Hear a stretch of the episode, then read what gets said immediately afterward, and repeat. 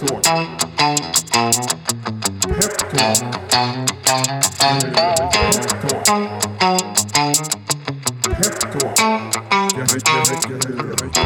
Då säger vi varmt välkomna till ännu ett avsnitt med eh, Peptalk. Jag heter Filip Scholtze som eh, vanligt och eh, idag har jag med mig en eh, gäst som jag inte har träffat innan men ett bolag som jag har följt väldigt noga sen, sen jag började på, på Peppins. De eh, höll på att ta in pengar under den perioden när jag började eh, och då kan man fundera på vad det är för bolag jag, jag snackar om och eh, det är Golfstar och med mig i podden idag så har jag Tony Trygell som är grundare och eh, arbetande styrelseordförande. Varmt välkommen! Tack ska du ha. Hur känns det att vara här?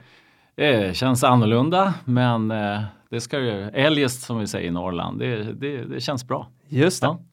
Och eh, vi, jag frågar alltid mina gäster om det är poddpremiär. Det har du hunnit avslöja för mig att det är. Ja, absolut. Överhuvudtaget sådana här inspelade saker är inte så vanligt. Nej. Det, var- det var rätt obekvämt med den filmen vi gjorde också. Ja, var det det? Ja, att, Men det är eh, alltid lite läskigt. Podd ja. är lite lättare för det är ingen som tittar på oss. det är bara, de, de får bara höra helt enkelt. Ja, ja, men, du hade klarat det bra på film idag också. Mm. Eh, du har ju spelat tennis berättade du för mig på morgonen så att eh, eh, pigg, eh, pigg måndag helt enkelt. Ja. Eller hur? bra start. Eh, och eh, då avslöjade att det var måndag, så är det måndag den 3 juni när vi spelar in där. Eh, men då tänkte jag Tony, vi ska börja med att eh, lära känna dig lite grann. Eh, du har avslöjat att du är norrifrån. Berätta, vad, vad är din bakgrund? Jag är, jag är från Umeå, eller Ume som vi säger Just det. uppe. Och eh, kom ner till Stockholm, kände mig obekväm i, i, i en ganska stor stad men kom ner till Stockholm för jag trodde på, jag var, jag var född en asfaltråtta. Ah. Ja, så att eh, det var utbildning och jobb som drog ner mig. Ja. Mm. Jag måste bara fråga på, på det här med Umeå och Ume. Är det bara om man är från Umeå som man får säga Ume? Nej, men jag tror att nor- norrlänningar släpper ju sista Ja. ändelsen på de mesta orden. Så det är Luleå, Ume, Piteå. Just det. Ja, Men om man som jag då, som eh, eh, man brukar säga att det, det hörs att jag kommer härifrån. Ja, om jag säger Umeå eller Luleå, blir det liksom, är det tokigt då? Nej, det är okej. Det är okej. Ah, vad bra. Umeå är en väldigt fin eh, stad också, måste vi, måste vi säga. Eh, men eh, okej, spännande. Asfalt, eh, asfalten lockade på något sätt och ändå så fanns det ett golfintresse. Det är inte så mycket asfalt på en golfbana. Var kommer golfintresse ifrån? Ja, det började. Jag är tennisspelare, idrottskille, sport överhuvudtaget så jag driver. Men tennis var min grej. Och sen i samband med det så var det någon som visade en järnsjua uppe i Ah. Norrland och jag slog med den och jag fattade inte att bollen kunde åka så långt. Sen dess har jag varit fast. Men det hade ju ingenting med att man börjar jobba med det att göra, Nej. utan det råkar bara bli så. Just det. Och jag gissar att du hade lite talang då som lyckades få till eh, det här eh, slaget så vasst från, från början. Jag tror faktiskt att, eh, jag brukar säga att jag har en talang och det är bollkänsla. I övrigt så får jag jobba hårdare än alla andra. Ja men det är skönt att höra att man får jobba hårt med någonting. Jag, jag som har, jag har grönt kort i alla fall. Mm. eh, men eh, det fick man ju kämpa lite för. Så att, eh, eh, ja, eh, helt lätt är det inte. Jag tänkte vi skulle eh, också fråga vad du har för eh, favoritgolfbana. I, i, I Sverige ska jag väl nog säga Ullna. Mm. Det vore kanske lätt att säga någon av mina egna men de har jag spelat så mycket så att det inte och sen tror jag faktiskt att eh, den som har berört mig mest är en bana i Spanien som heter Torquebrada. Okej. Ligger utanför Torremolinos där. Eh, Vad var det som var så speciellt med den då? En sån där bana som du spelar hur många gånger som helst och den blir aldrig likadan. dag. Så man var irriterad och glad varannan dag. Och det, det tror jag så det är med golfen faktiskt. Då, när det berör. Det är, som, det är lite som börsen då som är mitt största intresse. Sådär. Det är, varannan dag är det rätt tufft och ibland är det väldigt bra också. Ja, jag kan tänka mig det. Det går upp och ner. Eh, jag har ju förstått här nu, eh, vi har ju, eh, sitter på Finwire som spelar in och vår producent idag är golfspelare, väldigt duktig sådan. Eh, och, och då blev jag nyfiken på att höra hur, eh, hur duktig du är. Du har ju lärt mig att man mäter det här i någonting som heter handikapp då. Ja. Vad har du för handikapp? Eh, ja, för närvarande har jag 6,5. Och det är väldigt bra då? Ja, jag vet inte om det är särskilt bra. Det är lite för bra för att eh, jag hade två avslutningsrunder förra säsongen och man går ner lätt men man går inte upp så lätt i ah. handikapp. Och eh, eh, man ska ju tävla mycket då för att eh, höja sig och så vidare. Så att, eh, men 6,5 det händer ibland att jag spelar på det. Eh, så det är väl, det är väl okej. Okay. Är, finns det någon trovärdighetsfråga i när man jobbar med golf? Att det är viktigt att man också eh, kan, kan göra jobbet själv? Faktiskt så, så har jag ju genom de här sista åren, även om jag varit aktiv i det här företaget i 25 år, så bland annat då när vi skulle ut på Peppins mm. och så vidare och när vi har tagit över andra anläggningar. Då får jag ofta den frågan. Ah. Och, eh, för de ser mig mer som en affärsman och, och, och så vidare. Och då säger jag, men jag, jag är en sportkille, jag blir faktiskt lite illa berörd ibland. Men då har jag faktiskt eh, en, en, merit och det är att jag faktiskt är klubbmästare på Ingarö Golfklubb 92. Aha, okay. Och helt plötsligt så får man cred. Ja, så att, men det är lite grann eh, som branschen är. Ja. Det, det är Slår man bollen bra så är man bra i den här branschen. Affärsmässigt så är det nytt. Just det. Mm. Men det är bra för då har vi säkerställt att alla golfentusiaster som lyssnar, de kommer fortsätta lyssna nu. De stänger inte av här nu. Då. Så det känns ju väldigt bra. Så är det. Om vi ska komma in då på, på Golfstar, vilka, vilka är ni? Ja, alltså vi är ju Nordens största golfföretag. Eh, och jag skulle säga golfspelsföretag. För att vi är, vi är ungefär som Sats fast inom golfen. Vi har ett medlemskap, spelar på 23 banor ja. som vi då äger och driver eh, runt Stockholmsområdet. Mm. Och eh, egentligen är det ju bara för att eh, golfen har förändrats. Man vill ha ett större, man vill spela på fler banor och ha ett större flexibilitet och så vidare. Så det är vad vi gör och eh, vi har 50 000 kunder och som du vet då, vi har Pepins 3 500 eh, aktieägare. Just det. Ja. Det är att, väldigt många. Och, och, det är väl lite grann det att eh, jag skulle vilja säga att vår bransch och eh, det är det som är intressant tycker jag med Pepins. Det är, eh, golfen har ju alltid jobbat med crowdfunding. Mm. Alla banor är ju byggda av ungefär tusen medlemmar. Och just det, som blir andelsägare. Ja, ja. Så, så att det var en tidig, det ordet fanns inte på den tiden. Nej, exakt. Nej, det har funnits, vi poddade eh, bara för en vecka sedan också, då var det Mia Stå sa också det, att så här, mm. jag kände att men det här har ju faktiskt funnits eh, ganska länge och det har det säkert gjort, det är bara byter begrepp eh, längs vägen. Jo. Hur, eh, om vi ska liksom gå tillbaka när, för du grundade ju det här bolaget. Vad, mm. vad var tanken då? Varför grundades Golfstar? Nej men det, jag kommer tillbaka till det. Det har ju varit organisations eller föreningsstyrt genom åren. Och det är en överetablering av golfbanor i mm. Sverige. Även om vi spelar väldigt mycket golf, vi är störst i hela Europa, alla kategorier.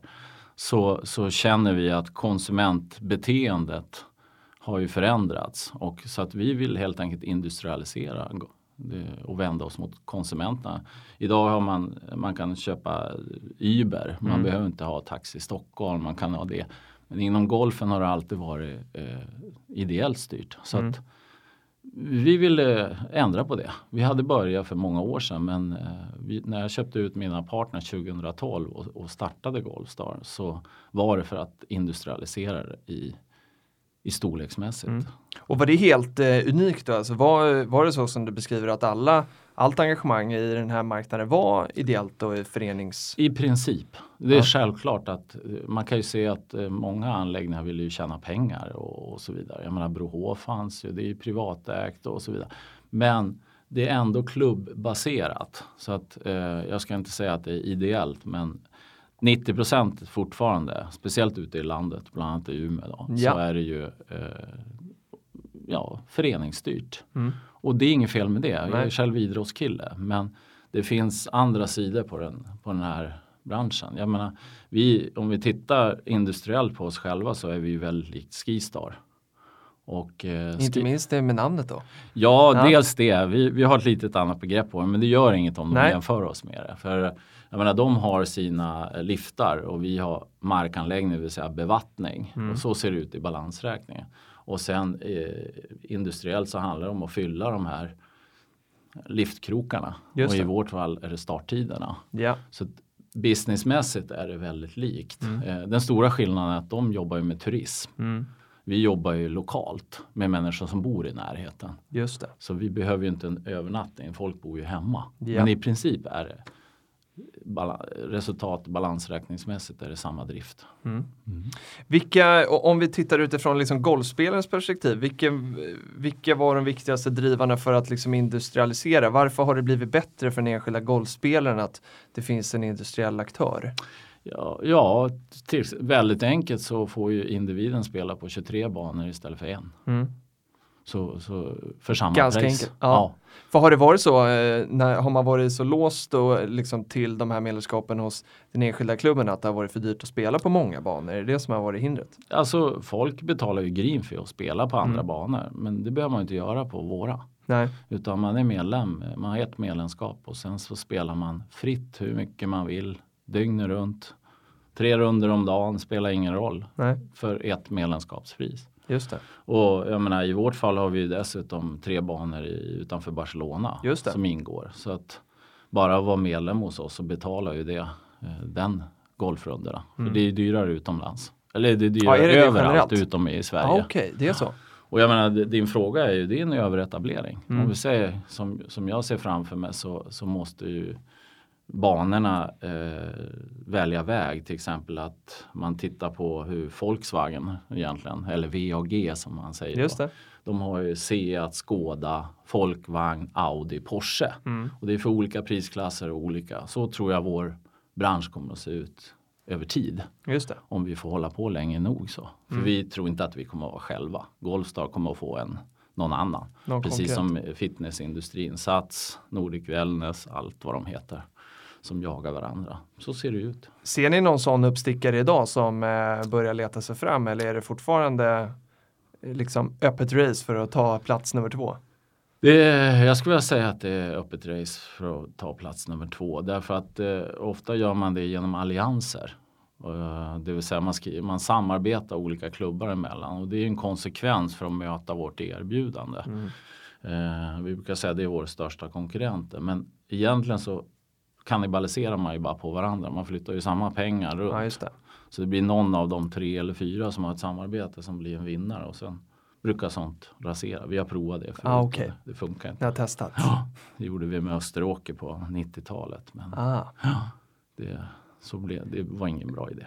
Erfarenheten är värdefull. Den, eh, då vet man vad som funkar och inte. Ja. Hur, hur ser organisationen Golfstar ut? Hur tänker du? Ja, men jag tänker liksom personal och sådär. Hur många, hur många är ni och vad gör folk? Ja, om vi säger som nu när hela maskinen går så Mm. är vi ungefär 200 lönekuvert. Mm. Det är ju för att vi har ju mycket service eh, personal då och eh, eftersom våra viktigaste produkter är ju golfbanorna så har vi 15 helårsanställda där men det är just nu är det 100 som jobbar på banorna. Ah, Okej. Vi har ju, vi har ju under åren mer och mer tydliggjort att, att eh, vi ska vara bundna precis Mm. som Gröna Lund eller Skistar eller så vidare. Eh, och det, eh, när, man tar in, när man tar in folk för sommaren så är det en rekryteringsprocess i sig själv. Men vi är väl en eh, 35 årsanställda Mm. och eh, säsongsanställda då 150 till. Så, så ser det ut.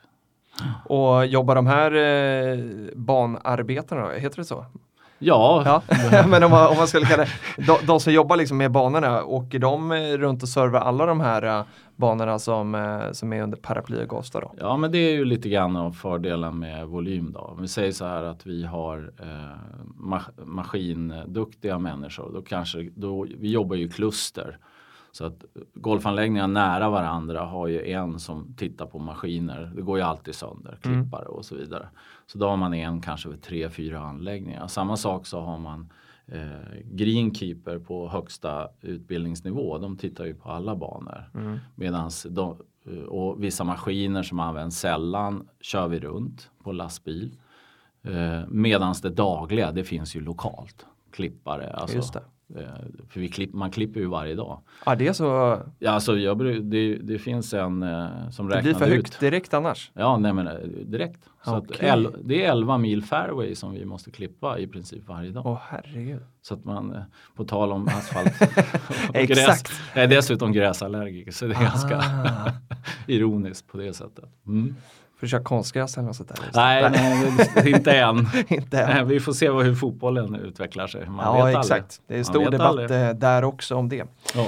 Jag tänker att vi ska komma in och jag tror att vi börjar förstå liksom Ghost utifrån konsumentperspektiv. Men mm. om vi ska ta liksom investerarsidan och förstå liksom businessen så här så, så säger ni själva att ni bedriver golf och markutvecklingsverksamhet. Mm. Eh, vad betyder det här egentligen? Vad, vad är er business?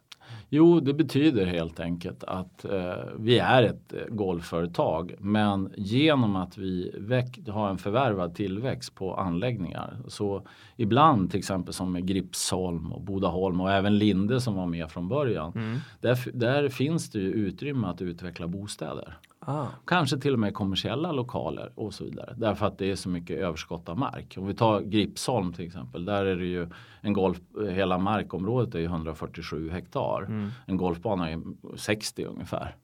Okay. Och, och, jag menar där har vi nu ett bygglov eller ett, en, en beslutad detaljplan, inte vunnit laga kraft på 7,5 hektar. Mm. Så det påverkar inte. Det tar i och för sig hål 1 och 2 men då bygger man ett nytt hål 1 och 2. Ja.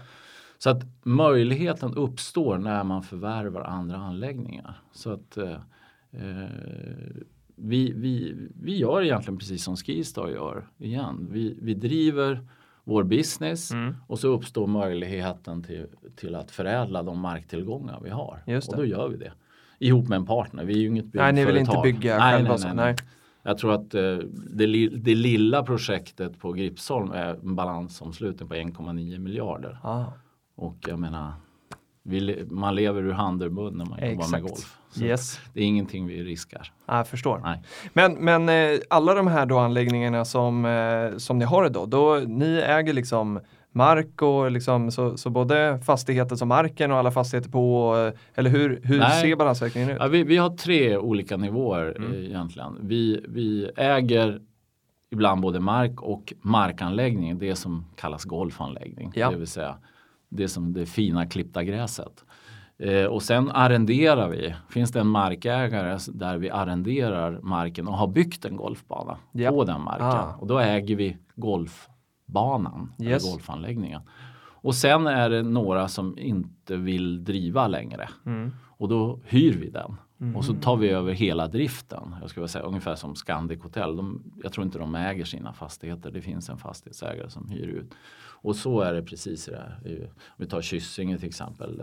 Där äger man hela anläggningen men man vill inte driva golfverksamhet. Ah, okay. Och då lägger man ut det på oss. Yeah. Och då tar vi över liksom hela anläggningen. Vi får nyckeln, de har ingen nyckel. Ah. Så kör vi. Och egentligen är det, det, för kunden spelar ju det ingen roll. Nej. Nej. Eh, industriellt så är det ju så att de här tre, vi har ju tre ägda då, 450 hektar. Mm. Men ibland så uppstår ju möjligheten att köpa en arrenderad anläggning. Mm. Och finns det en eh, markutvecklingsmöjlighet mm. då kommer vi att försöka göra det. Just det. Så att där har du på tal om industrialiserad, ah, det finns exakt. två sidor av det. Just det. Eh, golfen eh, och sen marktillgångarna. Mm. Så är det. Är det, det låter också så, förutom Spanien då, som att det är fokus på liksom, Stockholm, Sverige sådär. Hur är, är det så eller har det bara blivit så att det är där ni har verksamheten idag? Nej men vi, vi tror ju, det finns, vi, vi är lite avundsjuka till exempel på Frankrike. De har ju norr och söder och USA mm. har ju norr och söder. Så vad vi gör med Spanien, det är vi bygger upp kunder i Norden för vi spelar mycket golf. Så vi yeah. ska vara fokuserade på att driva egna anläggningar i Norden. Mm. Och då mm. säger jag Norden. Mm. Nu är vi i Stockholm. Jag menar Lik Skistar de började i i Sälen. Ja, exakt. Nu är de i Åre och så och är de i Sankt Johann också. Ja, exakt. Och jag menar, vi, ser ju, vi ser ju Stockholm som vårat Sälen. Mm. Och innan vi ger oss av till Göteborg eller Skåne så ska vi ha konsoliderat oss själva. Vi hade en snabb tillväxt som vi betalar av nu. Mm. Och med marktillgångarna så kommer vi att strukturera om balansräkningen och då kan vi fortsätta att växa. Men så, så ser det ut. Mm. Är det något mer man vill liksom säga om golfmarknaden sådär i, i eh, Sverige, Norden? Alltså för, för mig då som har varit ganska långt utanför, jag tog grönt kort här då bara för ett par år sedan, men, men för mig så känns det som, för jag började, försökte ta grönt kort för typ 15 år sedan. Mm. Eh, och då kommer jag ihåg att det var jättesvårt, det var eh, väldigt lång utbildning och det var sådär, jag gjorde teorin men spelade sen inte upp. Eh, och sen gick det massa år och så kändes det som att liksom piken avtog lite grann och så testade jag nu igen och så fick jag det gröna kortet på en helg. Och det kändes så- som att liksom, ja, man hade lättat upp det lite grann. Det var mycket lättare att, att komma in som, som ny golfspelare och sådär. Hur, hur skulle du bedöma att marknaden ser ut idag? Är stabil. Mm. Jag, jag, jag säger så här, precis som alla marknader, jag menar hur mycket godis kan vi äta? Nej. Alltså någonstans så hur mycket golf. Alltså Sverige är helt unikt. Vi Mm. har ungefär 500 000 registrerade golfare och vad det betyder det är att man är kopplad till en golfklubb. Ah. Men i Sverige finns en miljon människor, Mm. alltså 10 procent som faktiskt har tagit ett grönt kort Ja, och det är så många. lever. Mhm. Så att vi ser ju marknaden som stabil. Mm. Men det är också hur får vi de här 500 000 som jag kallar ombörjare Mm. Att komma in i golfen igen. Och då måste vi minska de här stegen som du har upplevt Mm. ännu mer. Det måste vara lättare att få spela golf. Mm. Eh, och eh, det är en av våra eh, framtidsuppgifter. Det vill säga att eh, jag menar, det är ingen som spelar en lördag efter fyra. Nej. Varför kan inte nybörjare då få spela då? Just det. Ja. Så att Nej, jag, jag har stora förhoppningar om det. Det reser mycket och dessutom lever vi längre. Mm. Vilket Ja, innebär det. att golfen i sig själv kommer att, alltså golfarna kommer att spela längre. Mm. Och det är nyttigt. Man, det finns undersökningar som säger att man lever fem år längre om man spelar golf. Aha. Då ska jag börja spela direkt. Väl investering. Ja, men, och, och det är ju väldigt, det är väldigt eh, kul att spela också. Ja. Eh, men hur, eh, för, för det här är intressant liksom. Eh, min nästa fråga blir hur ni tjänar pengar. Tjänar ni de mesta pengarna på att eh, jag som, eh, att jag blir medlem och eh, liksom kommer och spelar? Eller finns liksom det största affärsintresset i liksom de här markaffärerna och kunna liksom hitta någon som driftar och sådär. Vad, vad, hur ser affärsmodellen ut? Ja, det, det, är inte, det är inte fastigheterna som ska vara den stora uppsidan. Jag skulle vilja säga att fastigheterna är en del av kapitaltillgången som gör att vi kan växa. Självklart är det ju trevligt att göra vinst på det. Men eh, egentligen så är affärsmodellen det är att precis som i restaurang, buss, flyg, det är att fylla alla starttider eller flygstolar som Just de det. skulle ha sagt. Och det är ju, man kan säga att man ligger, i genomsnitt ligger branschen på 30 procent eh, nyttjandegrad. Och, Ja, det är eh, inte mer. Nej, och, och, och om vi kommer tillbaks då hur vi ser på det så vi tror på abonnemang Mm. likt Sats. Varför det? Ja, om man tittar på förra säsongen till exempel. Där var det ju extremt kall april Mm. och sen kom det 30 plus en hel sommar. Ja, Och det är inte bra för golfarna. nej. Nej. Och hade vi inte haft abonnemang då, då hade, och andra golfanläggningar eller golfklubbar som de kallar sig, så hade det inte gått. Då hade man fått packa ihop. Så Mm. att abonnemang är jätteviktigt och det är en stor skillnad. Men herregud, hur skulle Sats se ut om de inte hade abonnemang? Man Nej. tränar tre veckor i januari, sen så kommer man ju aldrig dit. Exakt. Så att, Då kan det säkra de intäkterna över tid. Så. ja, Mm. eftersom vi också behöver intäkterna under en kort period. Ja. För vi har ju stängt på vintern. Just det. Ja. Inte Spanien, men vi har Ja. i, i Stockholm. Så att, ja, nej, jag har stor tillförsikt. Det är ju prisbilden som är svår Mm. att få upp och det är ju för att det är överetablering. Mm. Eh, då man tryck, som med alla industrier. Eh, är det en överetablering går priserna ner. Exakt. Och, och så är det. det. Men och hur funkar det med, eh, jag kommer ihåg jag intervjuade din eh, kollega Lars eh, Mm. för, för ett år sedan och då eh, kommer jag ihåg att vi pratade en del om det här med att man ska vara medlem och det här, man ska ha det här golf-idet och sådär. Hur funkar, hur funkar det i er affärsmodell? Alltså kan man vara medlem hos Golfstad eller måste du vara medlem hos en sån här eh, ideell förening? Ja, än så länge för att komma åt bokningssystemet Mm. som, som eh, Svenska Golfförbundet då eh, har, jag ska använda ett eh, uttjatat ord som monopol på. Ja, så gör ju det att, att eh, man måste ha ett golf-id och därmed så måste man vara medlem i en, i en klubb. mm. Eh, det där kommer att luckras upp. Eh, över tid och eh, det handlar ju om att nå de här och det finns ju redan idag pay and play banor som Mm. de kallar sig. De ju, har ju inte bokningen via förbundet. Nej, okej. Nej, och, och, och, så att ja. Det, Men än så länge, tvungna- jag skulle vilja säga, vi känner inte till något annat. Nej. Så, så det är ju en sak som kommer att lugga, för folk kommer inte att nöja sig med det. Det här nya fenomenet brevlådeklubbar Mm. Är ju ett symptom på att man måste ha ett golf i det för att kunna boka en starttid även om man inte vill vara med i en Exakt. golfklubb. För det var det, när, när jag tog grönt kortet så fick jag det tipset av någon Mm. eh, eh, kompis som eh, sa ja ah, men det här är billigaste brevlådeklubben och så blev jag medlem där och aldrig någonsin varit där och spela. Och det då känns det som att så här, det här är ju inte värdeskapande. Det här är Nej. ju bara en glitch i systemet någonstans. Eh, Korrekt, helt rätt. Men kan inte ni, måste man vara med i det här bokningssystemet? Ska inte ni kanske skrota det och bara köra ert, ert egna?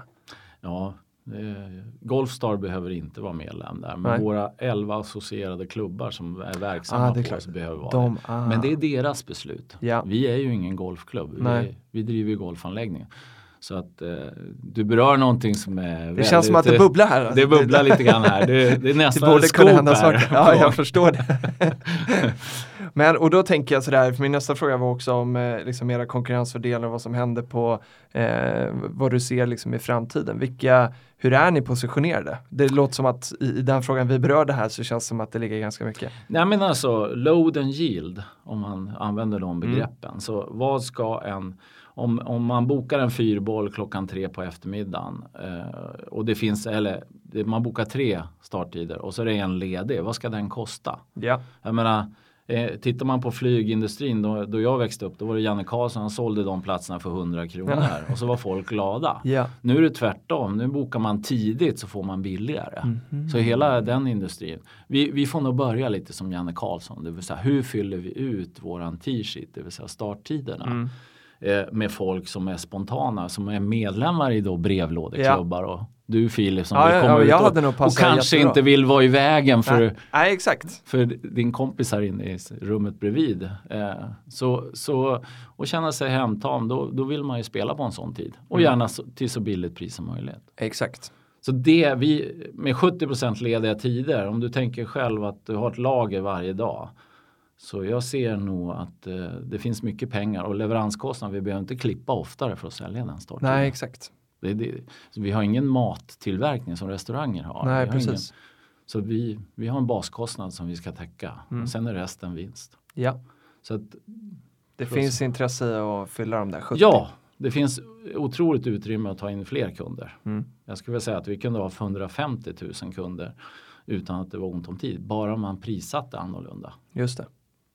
Rockkonserter, bästa platserna kostar en sak. Ja. Sämre. Prime time pratar man inte om. Alltså Det där är bransch. Men där, där känns det ju som att ni i den positionen då också som marknadsledare med, bör kunna liksom gå i bräschen och liksom förändra sättet att göra det här på. Ja. Så. Jag tänker att vi ska backa tillbaka till eh, 2017 när eh, ni öppnade upp på Peppins då för att ta in eh, fler delägare. Ni hade ju många delägare sedan tidigare eh, och fick eh, då eh, tusen till då genom Peppins och fick in 15 miljoner kronor. Eh, varför ville ni liksom där och då ta in mer pengar och få in fler delägare? Hur såg bolaget ut? Eh, ja, dels, dels så var vi ju i förvärvstagen eh, och så vidare. Men det var också att slutföra vissa detaljplaner som vi hade påbörjat, bland annat Gripsholm. Mm. Eh, nu blev det en ganska stor vinkling på den eh, när vi tog in de pengarna mot fastighetssidan. Ja. Eh, man beklagar ju det idag eftersom det blev total soppatorsk då vid den tidpunkten. Mm. Eh, och egentligen som jag sagt innan, vi är ju ett golfföretag med marktillgångar. ja. Eh, men vi slutförde, vi använde pengarna till att slutföra eh, Gripsholm och vi har ju fått eh, detaljplansbeslut av kommunen. Vi väntar bara på lagakraft. ja. Så att det, Men det har tagit lite längre well spent om jag säger så. Ja. Men det har tagit lite längre tid just med den än vad man det hoppades tar- då. Man är i det svenska systemet Yes. och det är inte för en otålig person som jag så är det inte bra för varken hjärta eller sinne och inte bra för aktieägarna heller. Nej, exakt. Det, det här väntan och, och mark, det ser man ju på fastighetsmarknaden just nu också om man följer det. Då, det är ju många ledsna och, som var glada innan. Exakt. Och det är därför också jag vill vara extremt tydlig och säga att vi är ett golfföretag med marktillgångar. Mm. Så att man behöver en partner.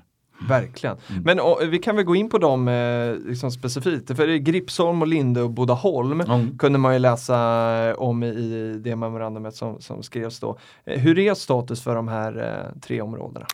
Eh, vad det gäller just Gripsholm då, som jag sagt några gånger nu så 23 mars tror jag det var förra året så fick vi då eh, detaljplanebeslut av kommunen. Och sen så har vi en granne, Statens fastighetsverk, som, som tycker att infartsvägen går över kungens eh, mark på ett felaktigt sätt och då Mhm. överklagar de och då kommer man in i systemet och så vidare. Så att i slutändan så handlar under 2019 räknar vi med att få eh, att det vinner laga kraft eh, och förmodligen får vi flytta vägen lite grann. Det Ah. är egentligen det det handlar om. Lindö Det låter eh, lite larvigt. Ja, eh, för, för oss som inte sysslar med det dagligen så är det frustrerande. därför förstår att det. det. är stenar som inte har använts på länge. Nej. Att, eh, Men, men och det som händer när det vinner laga kraft är att ni kan börja liksom eh, då får vi in en partner. Vi har, Ja. en, en, vi har en strukturerad affär Mm. som är på det. Vi ska kanske inte nämna några belopp så här. Nej, det behöver vi inte. färdiga. Men, men eh, där har vi en partner. Mm. Som vi, har ett LOI och, och då hoppas vi. eh, Det är ju ingen som tar upp plånboken innan man får laga kraft. Nej. Det är ju så det funkar. Ja. Vad det gäller Lindö i Vallentuna då, där, där går vi in i en fördjupad eh, översiktsplan. Då. Mm. Och, eh, det, det som är det stora dilemmat där det är ju att eh, riksintresset med Arlanda, det är inte bara Miljöpartiet och andra som sitter och väntar eller vill inte att det ska bli beslut. Vi vill att det ska bli beslut. För turen för Vallentuna är att de nya eh, landningsbanorna är på norra sidan. Så att förändringen av gränserna för eh, ljud från flygplan och så vidare kommer att vara till Lindös fördel. Ah. Ja.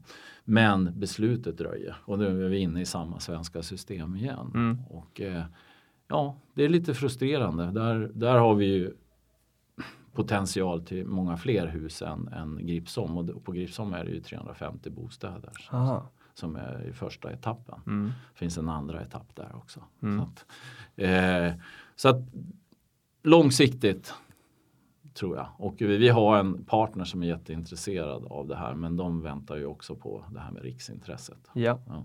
Men det, det är bostäder som gäller på alla de här tre? Ja, Ja. det finns ju vissa områden som kanske passar bra för, jag menar blir det så mycket bostäder så behövs det ICA-butiker och Mm. annat. Ja. Eh, Ah, och, så det eh, kommer grejer det, det kan med- komma kommersiella fastigheter också. Just det. Så.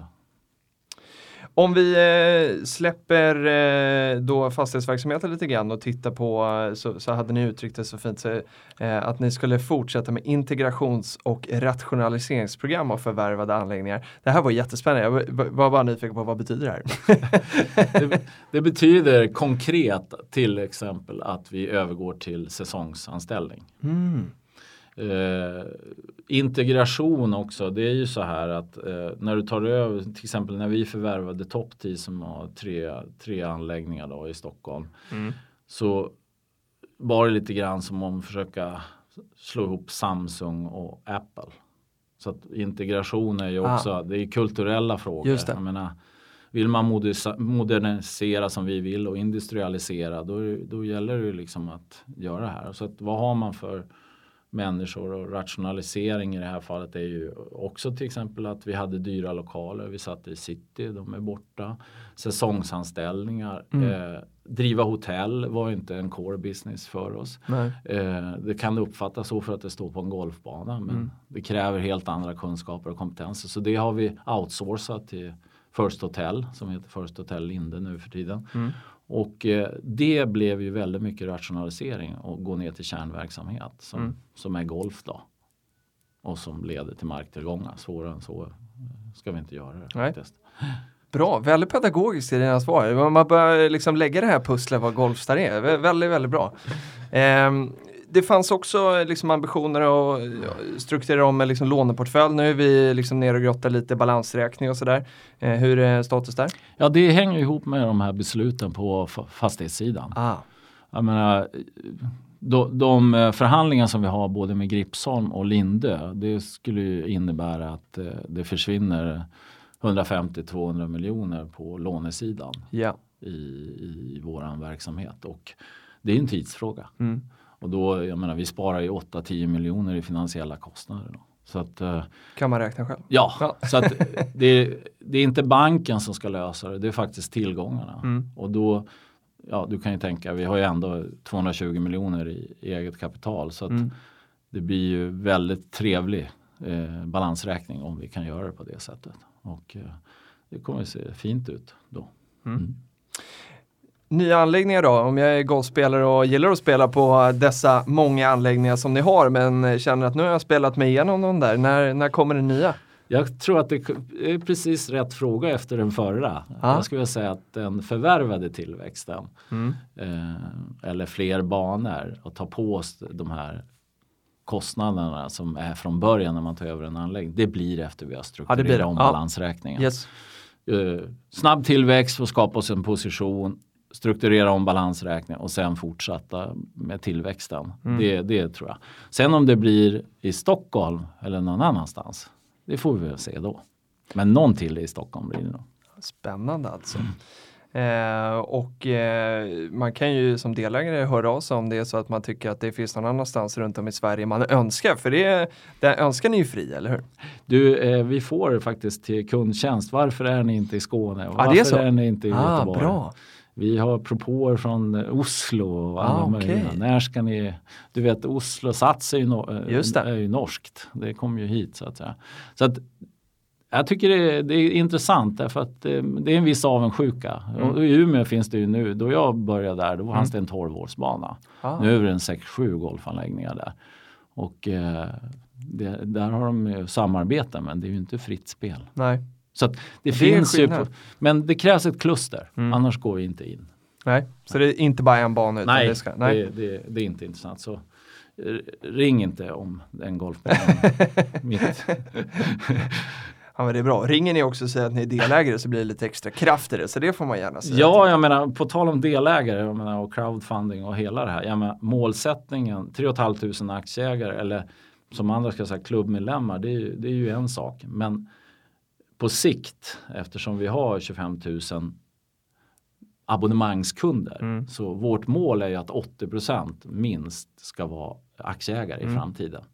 Lik Skistar så kan man säga att deras lojalitetsprogram bygger ju på att man är aktieägare. Exakt. Så får man ju 10% rabatt. Ja. Det får man ju också hos oss. Ja, bra att du lyfter det. Ja. För det är, jag som aktienörd älskar ju delägarrabatter. Ja. Det är ju väldigt, och Skistar är en av eh, de få faktiskt på, på Stockholmsbörsen. Och, eh, ni är duktiga på det här. Berätta vad, vad får man? Nej men jag, jag menar utifrån eh, om man vill skaffa sig en position. Om man Mm. har nu 100 aktier eh, och sitter på det. Om man köper upp sig till 320 aktier nu när vi ska eh, Handla. alltså, handla ja. Ja. Så får man ju 10% rabatt på medlemskapet. Ja, det, det är ganska så. mycket pengar. Jag menar, väljer man Bra det stora medlemskapet så är det ju en tusenlapp. Då Mm. har man ju, bara där har man ju en direktavkastning på som ni skulle prata Exakt. på 10-12 procent eller något i den stilen. Om man verkligen, så jag menar, hela grejen är ju att brukarna ska ju vara aktieägare. Mm. Det, är, det, är ju, det är ju så lojaliteten hoppas jag i framtiden. Mm. Det, är inte, det får gärna bli fler banor men aktien ska vara, den ska ha, jag menar golfare har alltid förlorat pengar på golf. Mm. Det- Du vill vända på det? Jag vill vända på Mm. det. Eh, Det är ett av de stora målen. Det är faktiskt att man, man har kul och så tjänar man pengar samtidigt. Mm. Hur bra, det är ju hur bra som helst. Det blir ju inte bättre än så. Det Kul! Ja, jätte, jättespännande. Om vi ska titta då på, eh, för det är precis som du sa här, vi kommer ju inleda eh, handel då på Peppins Market här i juni. Eh, och då kommer vi handla de här aktierna som man kunde köpa genom Peppins då i, eh, i eh, emissioner 2017 och en bit in på 2018. Eh, har man aktier sedan tidigare så kommer man kunna handla dem sen i, i, i september i planen. Ja. Eh, men nu i första rundan är det för de som redan har köpt dem via Peppins. Eh, och då är man lite nyfiken på hur eh, den senaste rapporten såg ut och den eh, kommer publiceras på Stakeholders Club. Mm. Eh, och där eh, det är då årsrapporten för 2018. Och du var lite inne på eh, den här kalla våren och den varma sommaren. Hur syns det liksom på något sätt i siffrorna eller räddades ni av det här abonnemangslösningen? Eh, kanske inte just av den, även om vi höll uppe fanan. Mm. Eh, vi hade ju räknat med en ökning men det blev ju inte någon ökning. Det blev samma som året innan och det får vi vara rätt nöjda med. Men när man tittar sen på årsredovisningen då ska man verkligen komma ihåg att, att året innan så var det 15 månader och, var, och inte 12. Ah, bra. Eh, Så att nummer ett är ju att eh, vad bra att vi gjorde bort det riktigt dåliga då. Därför att man kan inte, ni kan, som man förstår, oktober, november, december som då är de tillägget på eh, när vi har bytt nu till Ja. kalenderår. Där har vi ju bara kostnader och inga intäkter. Ah, Så det var ju ett väl extremt dåligt resultat rent årsredovisningsmässigt. mm. Eh, nu ser det väldigt mycket bättre ut och då ska man inte dra för stora växlar på det heller, just på kopplat till det. Men resultatet är drygt 20 miljoner bättre på grund av rationalisering, att vi ändå kunde behålla våra marknadsandelar. Och antalet runder Mm. som är egentligen beläggning Mm. höll sig till och med på samma nivå som året innan, trots det här vädret. Okej. Så att eh, i princip har vi, vi har positivt, eh, det som vi kallar rörelseresultat, det gör Mm. ju inte årsredovisningarna, de kallar det ju bruttovinst. Ja. Och sen kommer avskrivningar, eller finansiella kostnader och avskrivningar. Men eh, utifrån att driva rörelsen så gjorde vi plus faktiskt eh, på bruttovinstnivå. Mm. Och, eh, och förra året gjorde vi minus 19 så det är över 20 miljoner Det är en eh, stor skillnad. Ja, så Eh, att vi är på rätt väg. Verkligen på rätt väg och det, det blir då de här eh, minskade rörelsekostnaderna inte minst då, som, eh, ja, kul att se att det ger eh, resultat. Och beläggningsgrad pratar om, det kan man också lä- läsa om i årsrapporten. Eh, och det här, vi gillar ju nyckeltal vi investerar för Mm. att man liksom på ett enkelt sätt ska kunna se ja, men hur går det för businessen. Är det här ett av de viktigaste för er? Ja, beläggningsgraden är ju som jag sa innan, det är ju antalet sålda starttider eller flygstolar. Eller, Mm. Det är att folk verkligen spelar. Och för att ge ett annat nyckeltal då, så har ju gemene man gått från, på de sista fem åren från 12 runder i genomsnitt till 14. Okej. Så även om man rent, om man tittar på Golfförbundets statistik så ser det ut att gå ner. Mm. Men egentligen så spelar man mera. Ah, okej. Och, och det är väldigt intressanta siffror. Och än en gång, med 30% beläggning och möjlighet till 50-60 beläggning. Mm. Då varje krona vi tjänar från det hamnar ju på nedersta raden. Ja. Så att, eh, Men då är det här från sådana som inte har abonnemangen då egentligen? nej, alltså. Alltså eh, eller beläggningsgraden blir ju inklusive de som har abonnemangen också. Men för att det ska landa ner på sista raden tänker jag att då ska du också ha en eh, eh, någon som kommer dit och betalar en green fee så. Ja, både och. Jag skulle säga att ju mindre greenfee desto mer abonnemang. För Mm. du kan ju ha abonnemang som också bara är på morgonen, på kvällen, Ah, på helgen, Ah, okej. på sommaren. Det är inte bara Om man kan jobba med load and yield och, och, och ha sitt eget bokningssystem. Ja. Vi kommer tillbaka till det. För att, för att då kan man hjälpa kunderna att spela alltså golf på golfarnas villkor. Jag menar, mm. Om du är student Mm. så kanske du pluggar jättemycket men du har en eftermiddag och då vill du inte betala för helgtiderna och så vidare. För då kanske du, helgtiderna kanske du inte behöver spela förrän två. Du kanske har gjort något annat på fredag och lördag kväll. Då. Kan ju hända. Så då vill du inte betala det dyra. Just det. Hur, eh, Spanien då, om vi eh, går ner dit. Hur, eh, hur länge kommer den här finnas kvar? Känns det som att eh, eh, man som spelare och delägare kan räkna med att eh, anläggningen kommer fortsätta vara en del av Goldstar? Ja, i, i, i många år till. Mm. Och eh, dessutom så jobbar vi på att eh, täcka in fler områden som Alicante, Marbella, Ah. Algarve och Lissabon. Iberia-halvön är vi lite fokuserade på. Mm. Eh, är det någon från Dubai så får de gärna höra av sig men det är inget fokus vi har. Men, men det är ju för att vi ser ju att eh, förra året så hade vi eh, 3 500 runder på första året. Och det hade vi redan nu så har vi det på eh, fem månader. Okej. Man kan säga fortsätter det så här så är det ungefär som antalet runder på en svensk golfbana. Mhm. Och det är ju, det är ju fantastiskt. Ja. Och, och, så att vi ser, en, vi ser en utveckling på att ha fler anläggningar eh, på Iberhalvön. Eh, Och hur ser, eh, är det liksom ett samarbete eller hur ser, hur ser dealen ut mellan de här banorna och Goldstar? Är alla spel på de här banorna inte era? Är det så vi ska tolka det? Ja, och vi har inga ambitioner på att ta över driften och Nej. ta den risken just nu eftersom 60% av intäkterna på Iberia-halvöns banor kommer från Norden. Så de Ah. vill gärna hitta en avtalsform. Förstår. Och vi, Så och ni har vi ska inte avslöja några affärshemligheter här. På. Nej, jag fattar.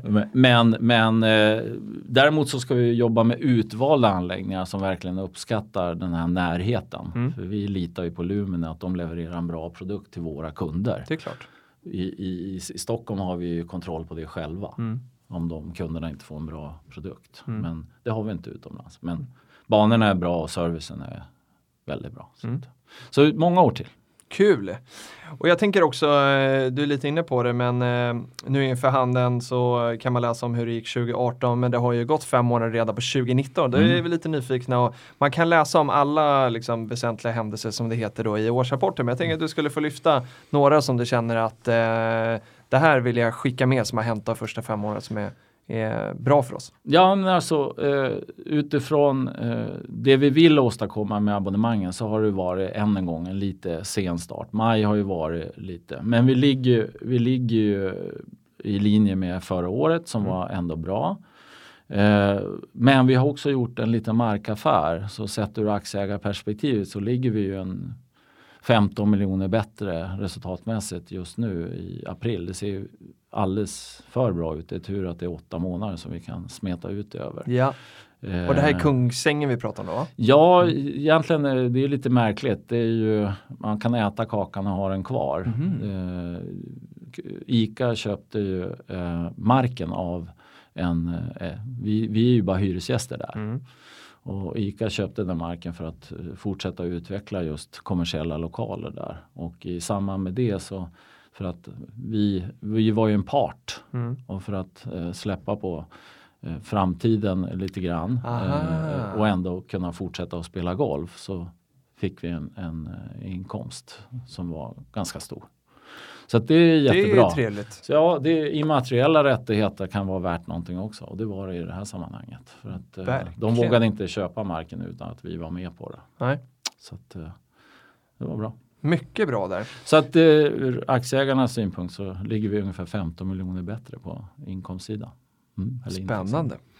Eh, Bodaholm och International kan vi läsa också då läggs ut på externa operatörer då. Mm. Hur, eh, alltså hur ska man se det som delägare som någonting positivt eller ska man se det som att eh, ja, nu minskar marginalerna lite på de här?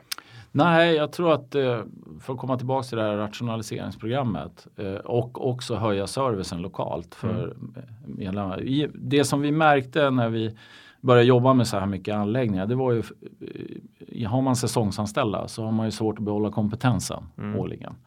Och, och då bestämde vi oss för att lägga ut driften för klubbhuset till tredje part som faktiskt jobbar lokalt mot de som bor där. Jag menar golf är ju geografiskt så spelar man nära sina anläggningar Mm. och bor och så vidare. Och då blir det att om vi byter människor varje år så blir det att lära känna de här personerna som spelar ofta på samma ställe. Mm. Det är inget bra. Nej. Och med det som vi kallar club operator då, då går man in och så blir man en, en bättre värd. Man är, det är samma människor som jobbar där och de behåller kompetensen varje år. Och eh, nu har vi lagt ut ungefär hälften av anläggningarna. Men vår målsättning är faktiskt att lägga ut alla. Okej. Och det, vi ser att produkten och kundnöjdheten går upp. Mm. Man blir igenkänd. Mm. Det blir inte anonymiserat som Goldstar är. Eh, eh, det är ju så. Eh, nej, det känns bra med Club Operator. Det, det är som vilken rekrytering som helst i och för sig. Det Ja, gäller det är att hitta rätt. Verkligen. Ja. Men det känns som eh, väldigt tydligt fokus på att liksom eh, maximera upplevelsen för slutanvändaren, alltså golfaren. Ja, och jag menar eh, ytterligare en industri att jämföra med. Eh, Om du SF, SF eller Filmstaden som Mm. de heter nu för tiden. De erbjuder ju många anläggningar och flera banor eller flera biografer eller filmer på Mm. varje anläggning. Men jag menar kundupplevelsen får du ha själv. Ja. Det är du som ser filmen. Ja. Och samma sak med en golfrunda. Eh, vi, om vi kunde styra så att alla spelar jättebra Ja, så skulle alla vara jättehappy. Men eh, herregud, det, det finns de när det spöregnar och så vidare som kommer in med en bra poäng och är jätteglada ändå. Mm. Och det, det är liksom det svåra med vår bransch. Men servicen mot de här individerna, Mm. maten, att det finns eh, bollar och orange och så vidare. Det ligger ju i sakens natur. Precis som popcorn och läsk. Och, Exakt. vi måste finnas där. Vad som är basutbudet. Mm. Så det, det, och det gör ju Club Operators jättebra. Vi har gjort det innan men eh, med eh, säsongsanställda är det lite svårare. Mm. Mm. Ah, spännande. Mm. Eh, jag tänker så här att eh, du skulle få svar på den sista frågan som är eh, om man är delägare, på vilket sätt kan man, vi pratar liksom delägarkraft och hur man kan hjälpa till som, eh, som delägare i ett bolag. och Sådär. På vilket sätt kan man som delägare hjälpa Golfstar bäst? Eh, genom att övertala sina kompisar och göra samma sak. Både på aktieägarsidan ska jag vilja påstå och, och även då att bli medlem. Alltså golf är en social sport. Mm. Det, det är inte jätteroligt att spela själv. Nej. Och, och kan man få med sig sina kompisar. Eh, vi tror ju på catch-up-effekten. Det vill säga när mer än 50% av ett golfgäng är, medlemmar eh, eller har abonnemang hos oss för Mm. spel. Då kommer de andra med. För då vill inte de andra betala green fee hos sina kompisars anläggningar. Ja, just det. Så ska man hjälpa till. Vara ambassadörer, ta in dem, ett medlemskap, 23 banor och Spanien ingår. Ja. Det är det man ska göra. Och så köpa aktien. Där Det- hade man pitchen. Ja, det, det är solklart. Vi kanske de här lördagstiderna klockan fyra, det kanske kan bli en sån delägartid med riktigt schysst eh, green fee eh, eh, då. Jag tror när vi blir tillräckligt många delägare så ska vi åtminstone, eh, jag ska inte lova, men vår idé är ju, jag menar Stakeholders Club Mm. i det här sammanhanget kan ju växa till någonting, till exempel ha trevliga tävlingar. Absolut. Jag menar vi kan berätta andra saker till de som är då aktieägare, vi kan prata på ett annat sätt. Mm. Eh, nu, ju, nu finns ju Stakeholders Club, där kan vi prata så. Ja. Mot golfare i allmänhet måste man ju prata på ett annat sätt, Mm. annars blir det, det blir konstigt. Mm. Eh, Men eh, lite tävlingar för aktieägarna. Ja, det låter tror spännande. Jag, lite roliga. Vi har ju precis lanserat en tävling som heter Goldstar Go. Och eh, ja, vem vet kanske Peppins går in och sponsrar. Vem vet? Jag ska ta med mig det här tillbaka till kontoret. Det var ju riktigt bra alltså. Det hade, det hade varit väldigt kul. Eh, Stort tack Tony, det här var ett jättetrevligt samtal. Den här timmen eh, som alltid går väldigt, väldigt eh, fort. Men jag tycker vi har fått eh, med oss massa bra information om Goldstar och eh, handeln börjar då den 12 juni. Eh, så då kan man hålla koll på peppins.com. Eh, stort tack, lycka till med den här golfsäsongen och så eh, är du varmt välkommen tillbaka och berätta om eh, hur eh, bolaget utvecklas här framöver. Ja. Ha det, ha det bra nu. Hej! Hej!